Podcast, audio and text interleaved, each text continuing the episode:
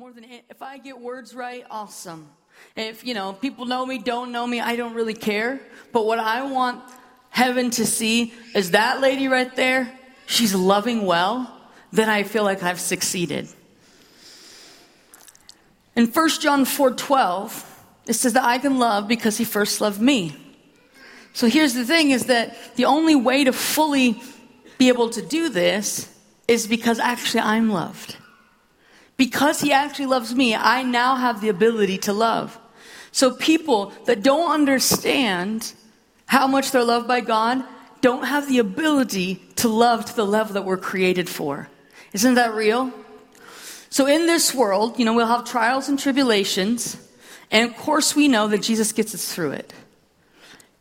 I actually do a lot of messages on trials and tribulations because my life has been full of it. I've had many things that I've had to overcome, and by the grace of God, He gets us through. But I want to say that love, in and of itself, is overcoming. The very love that we're talking about this morning helps us overcome. So when I think about God before creation, my mind can't really understand it. It's like short circuits. I don't know if that translates well, but it's like a computer, you know, where it's just like not computing doesn't make sense. To understand pre creation God. Well, who created God? Okay, wait, I can't think like that. But it, it, when you really think about it, it makes your mind kind of spin. But when we look at creation, He creates man for one purpose. What is that? Love. He's like, not like, well, I'm just going to create the earth because I'm bored. Put some people on it. This will be fun. There was something in the very heart of God that goes, I want to create the world full of people that have a choice to love me. These angels up here, they have to love me. And when they don't, they get in trouble, so we know what happens there. The elders, they have to love me. I mean, I am God. My son loves me, he's Jesus. The Holy Spirit, we're good. But what if people didn't what if people didn't have to love me? What if I could create something that chooses to love me? And that's why he created us. So our very existence on the earth, why we're created is that we would choose God. That we would choose to love him. The fact that we have that free will and that he doesn't force us is so wild to me. So when we think of like what moves God's heart,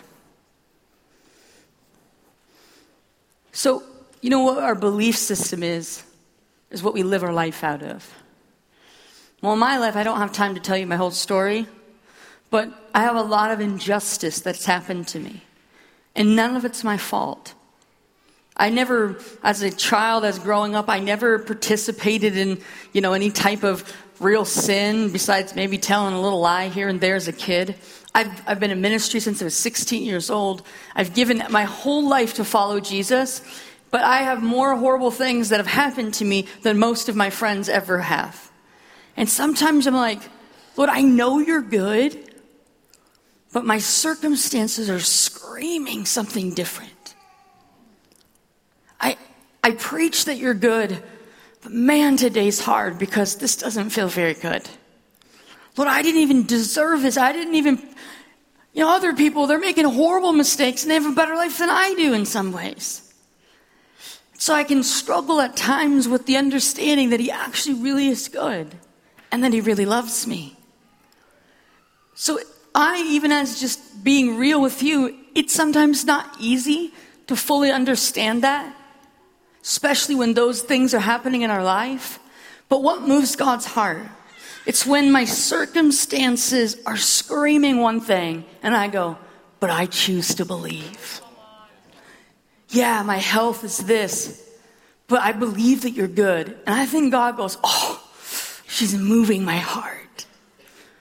The enemy is trying to get her to doubt that I'm good, but she's choosing it when her situation doesn't show it. I think that's what moved God's heart so much. That's why he says, Count it all joy when you encounter trials and tribulations.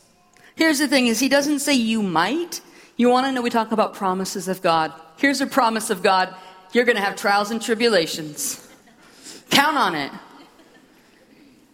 Because we pray prayers like, Lord, make me like you. Okay. It's going to hurt a little bit.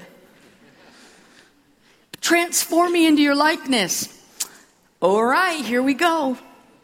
The very thing sometimes that we wrestle with the most is the thing that's actually transforming us the most if we choose God when we have a reason not to.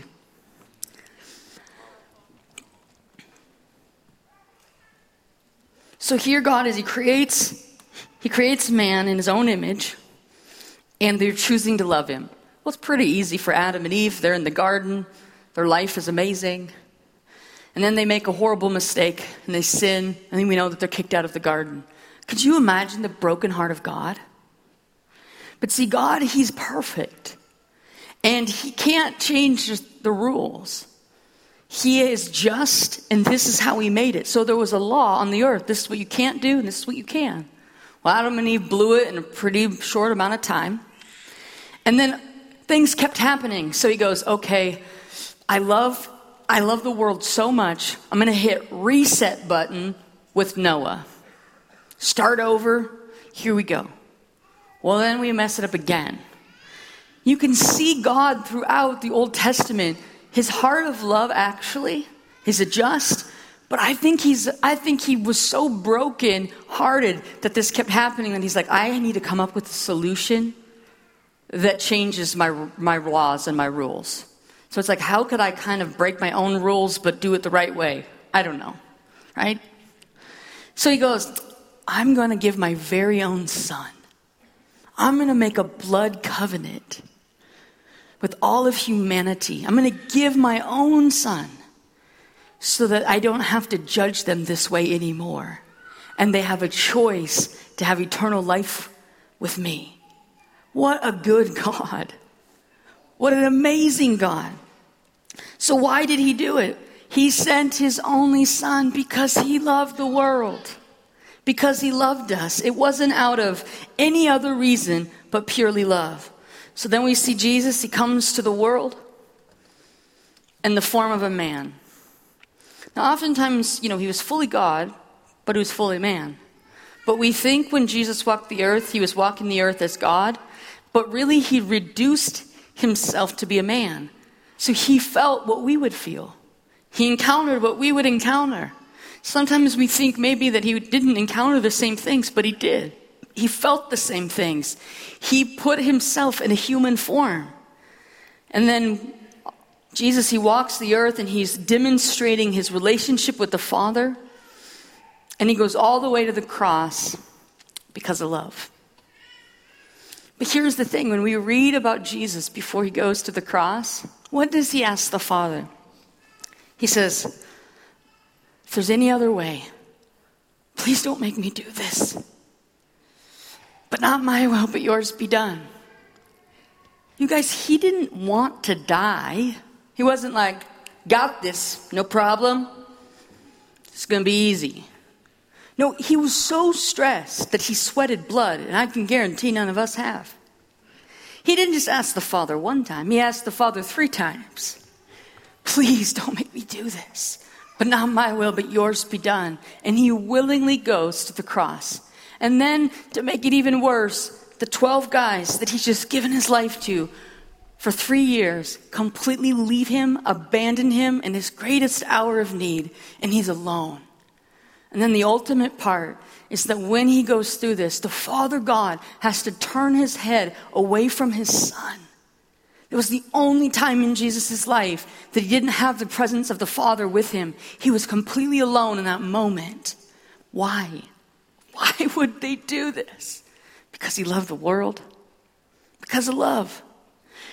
And Jesus, being who Jesus is, in his greatest hour of betrayal, his greatest hour of pain, his horriblest moment, you know what he does? He doesn't think about himself. Oh, this, he didn't focus on his own pain. He actually reached out to the guilty one next to him.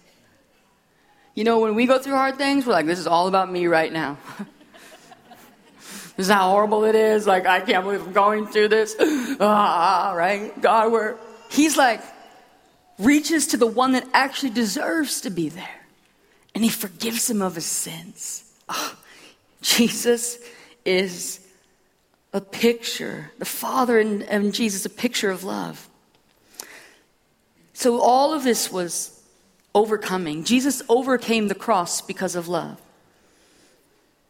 He was driven to obey his Father because of love. So let me ask you this is do you actually know how loved you really are? We, we actually preach these things and we don't sometimes stop and think about what we're saying. But to actually think of what he's done, that he had you in mind. You know, I, am married, I'm, I've only been married well, almost five years. And I have a really great husband, and he tells me all the time that he loves me. But sometimes I get upset with him for doing things or not doing things. Probably more not doing things, if you know what I mean.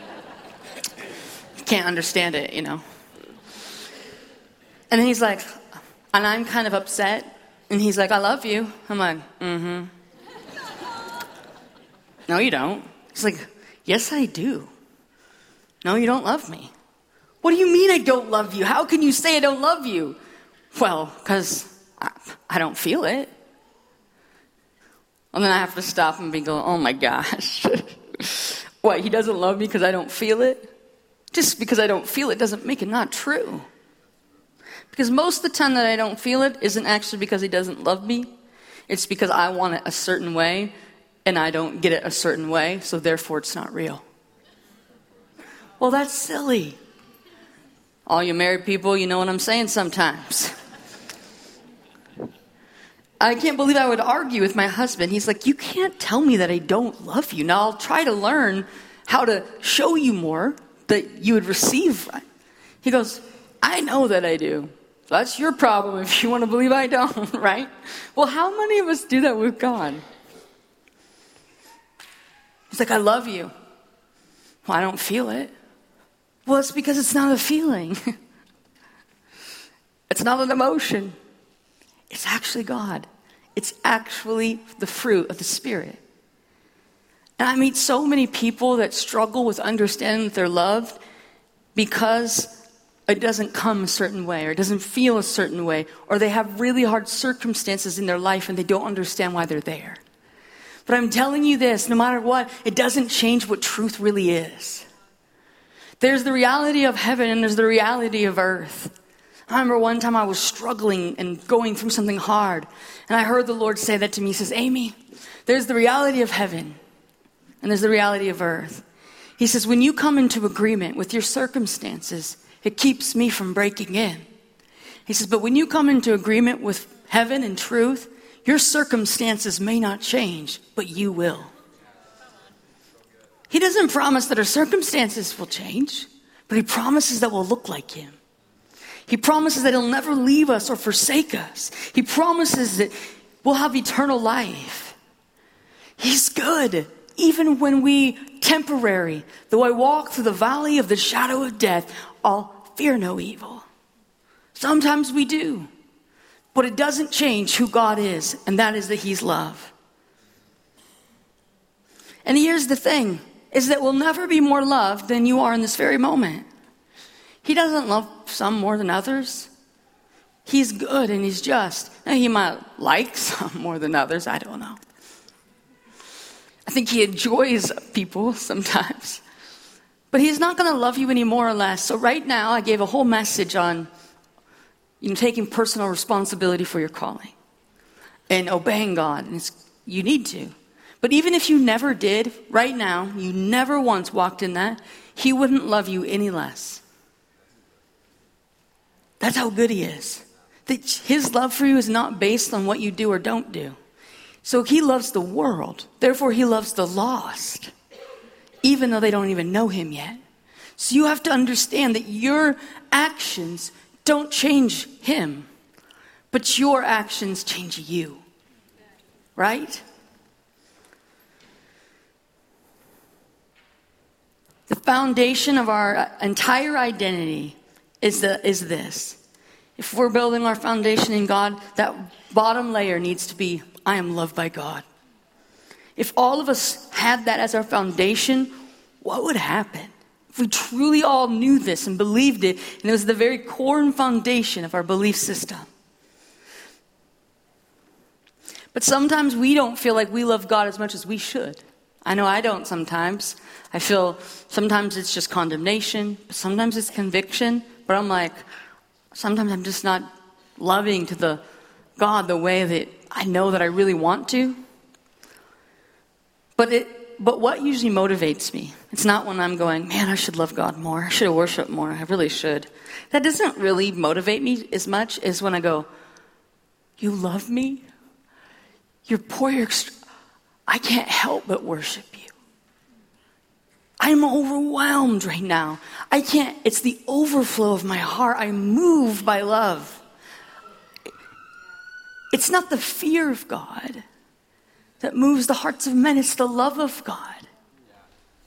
Though I teach a whole message on the fear of God, and I love the fear of God, but it doesn't motivate me the same as when I'm like, I'm loved. I, I, I can't help but love him more. So, what, when you want to do better, love more, what do you do? You receive. Isn't that amazing how he works? So, everything that we are comes from that belief system. So, when we actually know this, anything is possible and anything can happen. So, your whole first purpose on the earth, and I know you know this, is to love God. That's why we were created. And we're to show that love by our obedience to Him. John 14, 21 says, Those who truly love me are those who obey my commands. So that's the natural outflow as we worship, we give love to God, we love others, but that we're obedient. Why wouldn't we be? It, it comes natural to us when we have that revelation because we actually believe that He's good. It's when we give our yes before we even know what He's going to ask us. Part of the movement that I'm a part of, we have a whole song that says, I'll love you with my yes and my obedience. And we have something among our staff where we say, we want to be those that are yelling and worshiping with our yes before we know what he'll even ask. And sometimes some of us go, I don't, I can't say yes till I know what I'm getting myself into.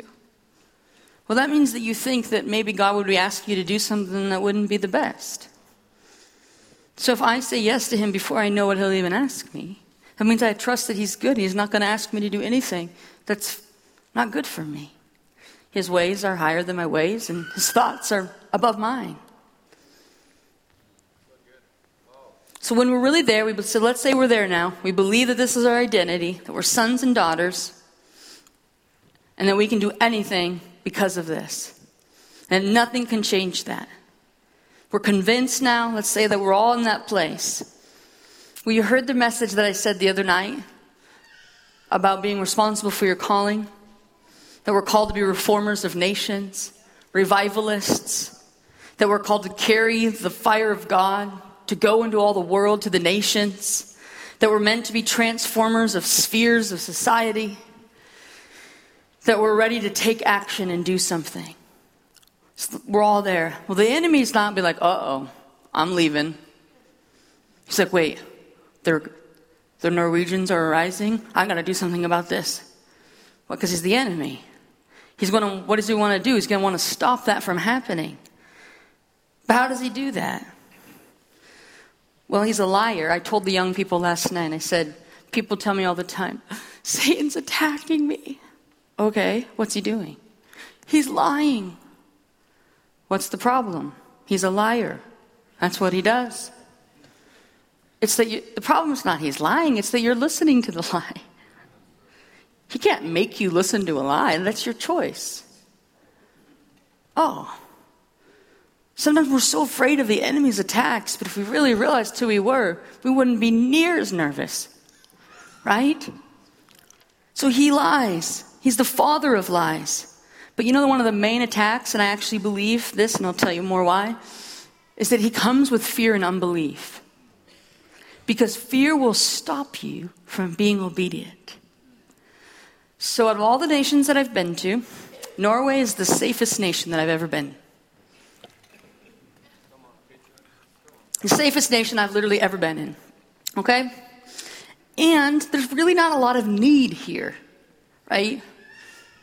You can go to the hospitals, you can go get education. None of you are worried about being homeless in the room, right? You're not worried about somebody robbing you at night in your house, most of you. I mean, it's people leave their babies in their strollers taking a nap outside, okay? I'm just saying, I've never seen that anywhere. It's like someone forgot their baby. Oh, we just leave him outside. Okay. Safest nation probably in the world. And I can say this out of love, but I've rarely seen a nation of Christians that were so afraid. And I thought, this is so strange, God. They're the safest nation, yet so many of them deal with fear. I've, listen, I've had a lot of Norwegian students over these last years, and I've been here 11 times.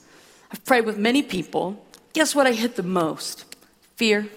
I'm like, well, what are you afraid of? Well, I don't really know. I just get afraid and I don't want to do it. I'm like, hmm, well, let's, let's talk about this. Like, you're meant to preach the gospel. But fear will say, I'm, I don't, I'm afraid to speak in public. Well, why? That's okay. We're meant to, that's all right. He glories in our weakness. Yeah, but I don't know what to say. Oh, here's the Bible. This is what you say. well, what if I mess it up? Oh, that's okay. It's called humility. Try again. It's fruit of the Spirit. Is it okay to mess up? Yes. What if I make God look bad? You're not that powerful.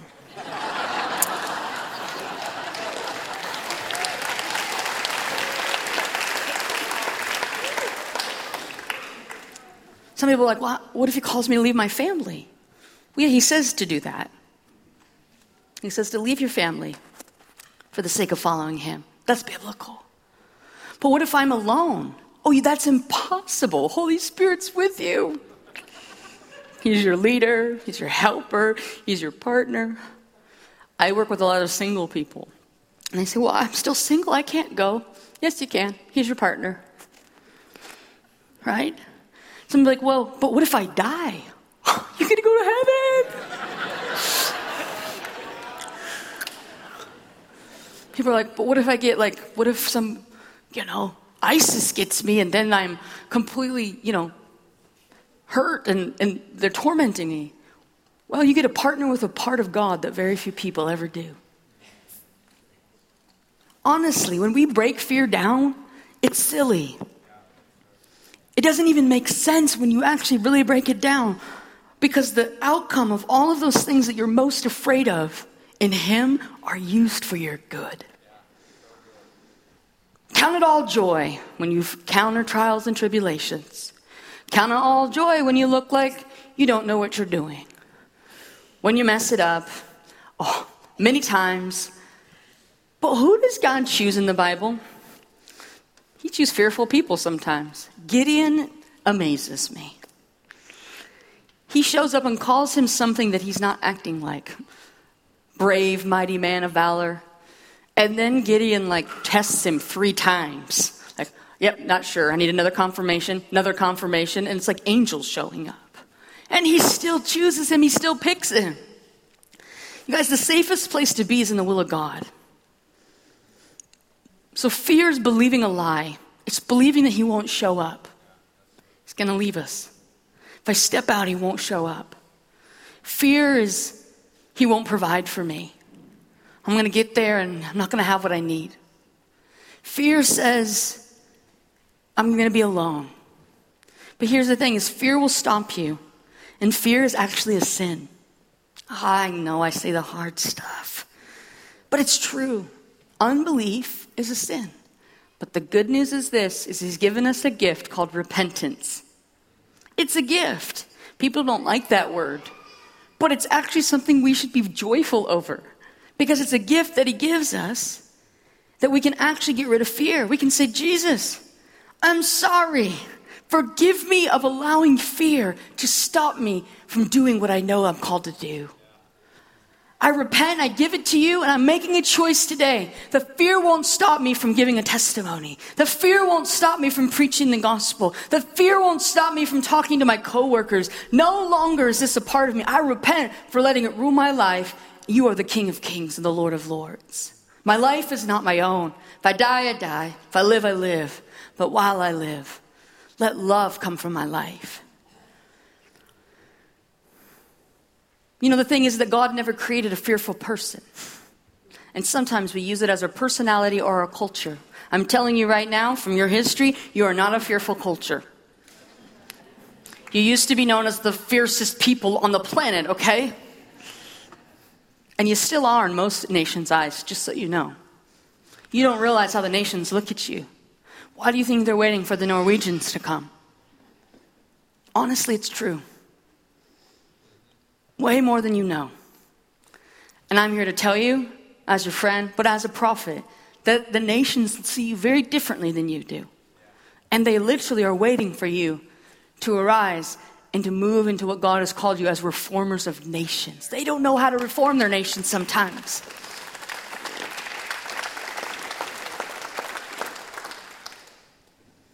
You know, I, I joke with people I teach, I said, you know how you could know if you're having a move of God in a Norwegian church is you might see their toe tap. I, I grew up in one. So, in other words, is that you can't ever judge what God's doing by Norwegians' faces. Okay? I've prayed through, you know, and people are falling out in the spirit, and I'll get to like a Norwegian, and they're like a statue, and they're like, God is encountering me.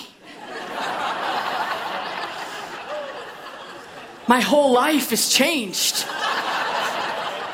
There's fire through my entire body. And I'm like, you'd never know it, right? Of course not. They're not all, you're not all that way. But I don't, I'm not moved by the response of people. That's why it doesn't bother me one little bit. Because I know, I've gotten to know the hearts and I know that when you get it, look out. In 1 John 4:18, this is why it's so important that we know that we're loved because there's no fear in love. Perfect love casts out fear. And because fear involves punishment, and the one who fears is not perfected in love. You realize this, that when we have this understanding, it drives out fear because there's no fear in love. We don't fear judgment and punishment and all these things. We're compelled to do what we're called to do. Now, you ready for this? In Romans 8, 31 through 39, I'm going to read this, this whole passage, but just listen. Says, If God is for us, then who can be against us? For God has proved his love by giving us the greatest treasure, the gift of his Son. And since God freely offered him up as a sacrifice for all of us, he certainly would not withhold anything from us. Who then would dare to accuse the ones God has chosen in love to be his? Who would dare? God himself is the judge because he issued his final verdict over them not guilty. Who then is left to condemn us? Certainly not Jesus, the anointed one, for he gave his life for us. And even more than that, he conquered death. And now he's risen, he's exalted, he's enthroned in heaven with God at his right hand. Who could ever separate us from this endless love? Who could separate us? Absolutely no one. For nothing in the entire universe has the power that His love does towards us. Troubles, pressures, problems, they're unable to get between us and heaven's love. What about persecutions and famine and dangers, death threats? No, for they are powerless to hinder his love. Even though it's written, all day long we face death threats, For your sake, God, we are considered to be nothing more than sheep led to the slaughter. Yet, even in the midst of all of these things, we triumph over them all. For God has made us to be more than conquerors, and He's demonstrated His love with a glorious victory over everything. So now I live with the confidence that there's nothing in the universe with the power to separate us from the love of God. I'm convinced that this love will triumph over death, life's troubles, fallen angels, dark rulers in the heavens. There is nothing in the present or in the future circumstances that can weaken this love. There's no power above us or beneath us. There's no power that could ever be found in the entire world, in the entire universe, that can distance us from God's passionate love, which is lavished upon us through our Lord Jesus, the Anointed One. Come on. If you're having a down day, read that. The liar's lying. Listen, if every time the enemy attacked you, it caused you to run into the Holy of Holies, he'd quit chasing you there.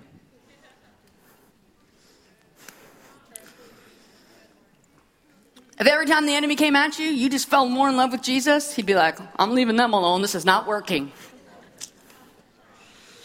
He is powerful. Because of him, we're powerful. And nothing can separate us no matter what. So, we're sons and daughters of God, we're friends of God, we carry power, that's all amazing. But you want to know what else we are? We're kings and priests. We're sons and daughters. We're friends, we're servants, but he also calls us kings and priests. This is extravagant.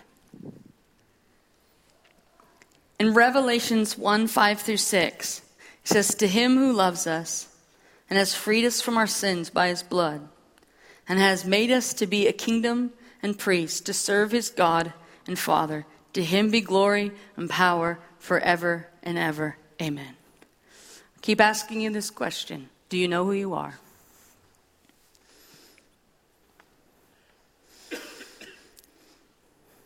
Sometimes we're like, I don't even know if I'm barely making it. But when we start to live from this reality that you're truly loved, that everything's from that overflow, I'm telling you that anything can happen. You know, it's not pride to know how loved you are.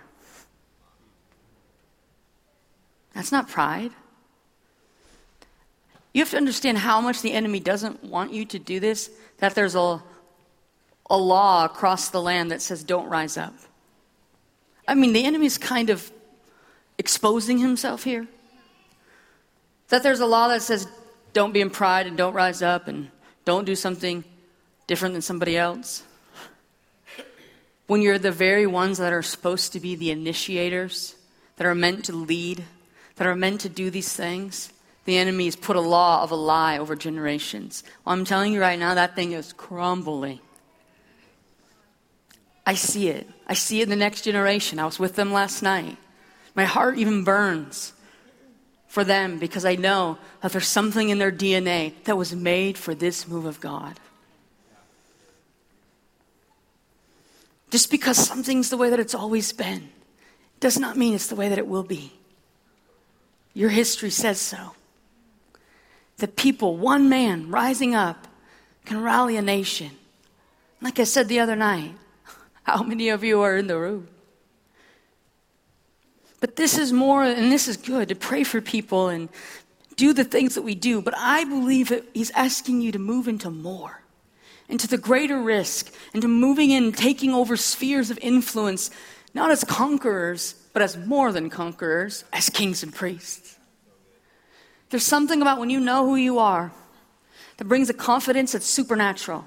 Listen, I have a lot of reasons to be insecure. At one point in my life, I don't know how many is in pounds. I was 180 kilos. That's 400 pounds, I think. You know that most of my growing up, I had a condition, and I gained weight my whole life. And I was a, a young prophet, sometimes more prophetic than anyone can imagine around me. And I remember being with people that I really respected, and they didn't want me to stand on their stage because what they what I looked like. They removed me from the main session because they were ashamed that I looked like that. They assumed I did it to myself, which I didn't. Doctors couldn't figure it out. At one point, they gave me 10 years to live.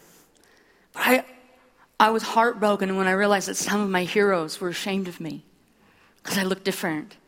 And I remember in one conference, I got up and they didn't know who, what I looked like before they invited me. when they found out, they weren't very happy. Most people that what you think people think, they don't. My case, they did. They actually would come and tell me, Will you forgive me for thinking, how could God ever use anyone that looks like you? Oh, yeah. And I stood on that stage, my friend was thinking me, I'm so sorry. They put me in the session no one came to. I'm standing up there and I just want to cry, I want to run. I can feel the judgment in the room by Christians. And I heard the Holy Spirit says, You ready? We got this. I'm ready. And he said, Amy, I'm going to make a promise to you right now. For the rest of your life, I will show up with my presence. You're my friend. See, he hides treasures in people you don't always know. He goes, Go ahead. And I went, Holy Spirit, come.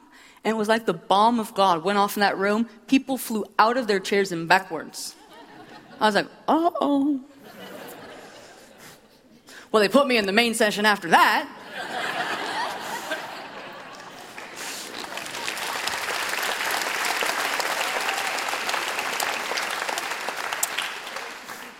And obviously, I, I'm not 180 kilos anymore, thank God, but I wasn't healed, but what I had to put myself through was more than you could, than I have time to tell you.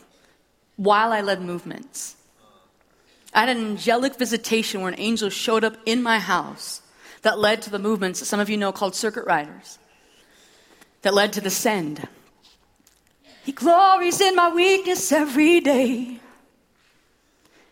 He glories in my weakness every day. I'm from the smallest town of one family. My dad wasn't around in many ways. I was tormented by the demonic for five years of my life, tried to commit suicide. And then I was delivered at 16 and found out that I had a prophetic gifting. I've traveled with some of the most well known people you could imagine.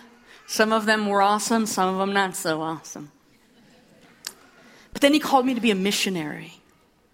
And I thought, this is the worst career move ever. You know, they, I'm this young prophet, so they're making me ready for conferences because that's what prophets do. and he says, be a missionary. And I'm like, okay. I called my friend, one of my close friends is Sean Bowles. I'm like, Sean, what do you think? He says, Amy, this is God. I don't understand it, but it's God. I'm like, okay.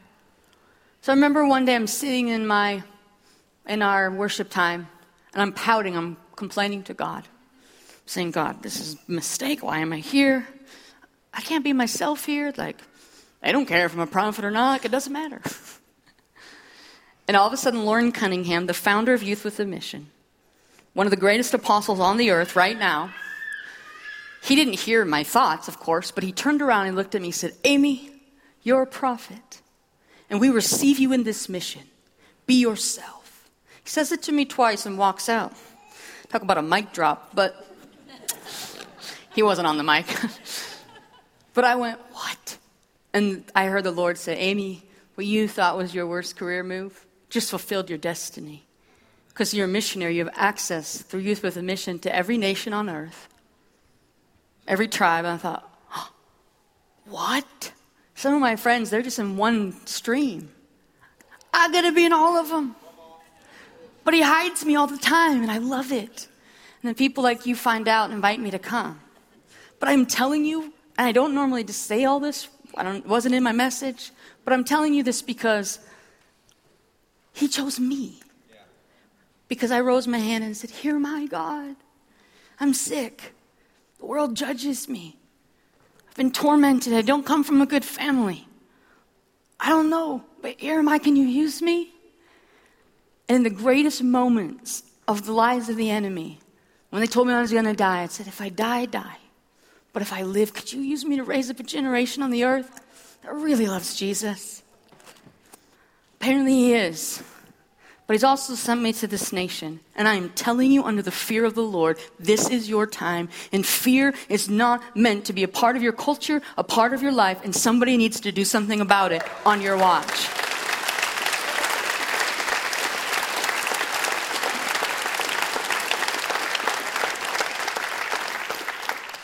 I love you. And I love getting Norwegians in my schools, but I don't want to get any more Norwegian students that get on fire and say, I can't be like this in my own nation. That they would be able to come back and burn even more because there's mothers and fathers that are fanning that flame and saying, You can rise up, you can run faster and harder. Yeah, you don't know what you're doing, but that's okay. We're not afraid. He's, this is the moment. So, Father, I thank you. I'll invite the team back up, the worship team.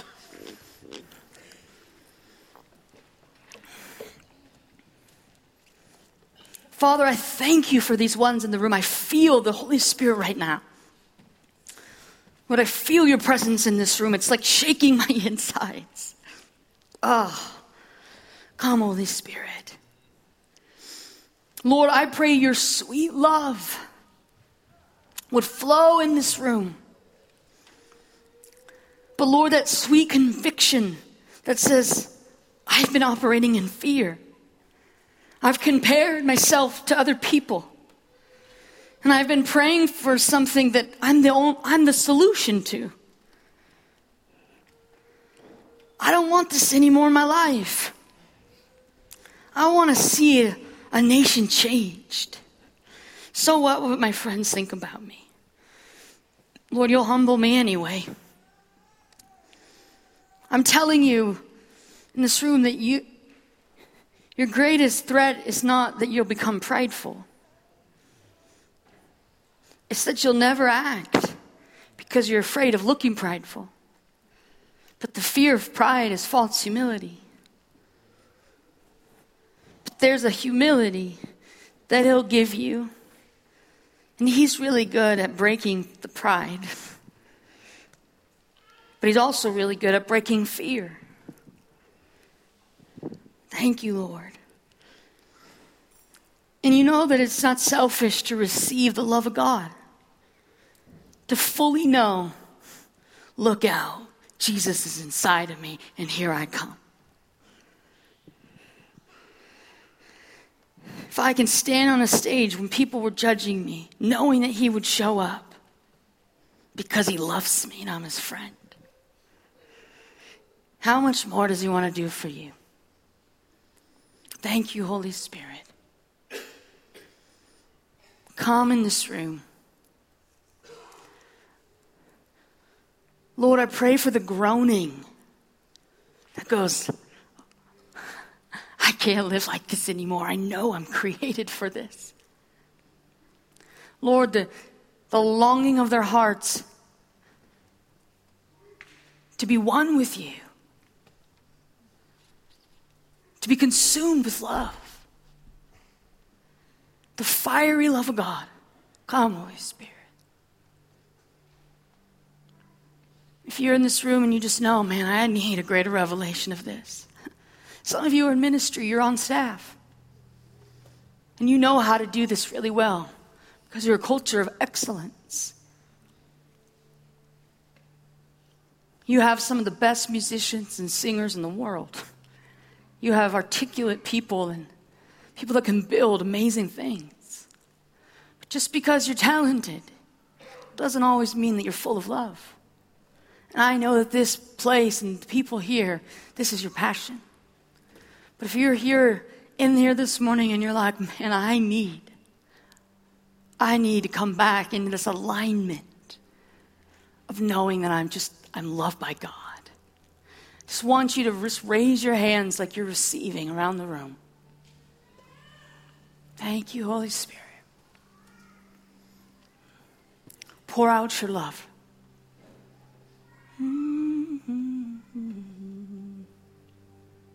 Thank you, Holy Spirit.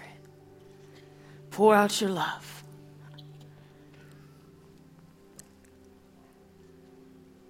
Mm-hmm. Let heaven come. Love of God overflow. I'm gonna know that I know that I know. I receive it. I believe it. That I am loved by you. Let love break through. No matter what I do, no matter where I go, one thing I know I am loved by you. Holy Spirit,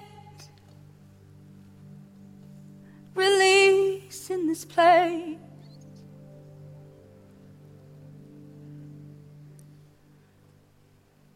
Your love flow in over and over and over again. You see, some of you Norwegian men, there's an emotion that God wants to turn on in you that's your strength and not your weakness. My husband cannot talk about God without weeping, and he's one of the strongest men I know. Love of God overflow. Overflow. Now, Holy Spirit, I just pray as your love is moving throughout the room. It's deeper and deeper and deeper right now. It's deeper and deeper and deeper right now. Just let it go, let it flow. Let go of control, let go of control for a moment. Thank you, Jesus. Now, Holy Spirit, I pray for that sweet conviction that you would reveal if there's any area of my life, in our lives, that I've been allowing fear to keep me from obedience. That I've allowed fear to hold me back, and I've given in to it. Ooh,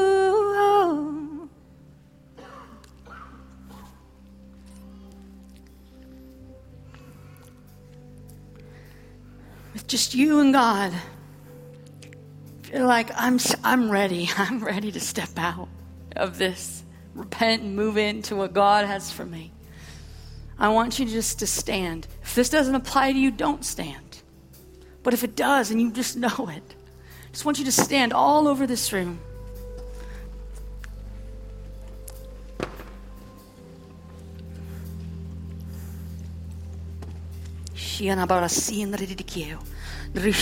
Saka andriam bufala haya. Andriam mandri dikeo. Holy Spirit, come in this room.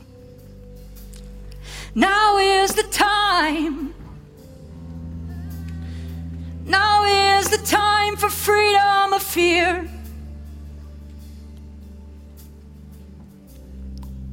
Draw near, draw near, draw near.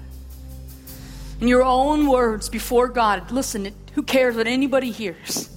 But right now, I'm asking you to grab that gift of repentance. Just say, Jesus, I'm sorry. Forgive me for listening to the lies of the enemy. Forgive me for comparison. Forgive me for fear of man. Forgive me. Anything that you know the Lord is bringing, just give it to Him right now. Mm, oh just your own voice out loud. I'm asking you got to break through. That's part of breaking fear. You got to move past what anybody thinks or what they hear you say because oh oh perfect love it casts out fear Perfect love, it casts out fear. I repent in Jesus' name. My life is not the same. I repent in Jesus' name. I come out of believing a lie.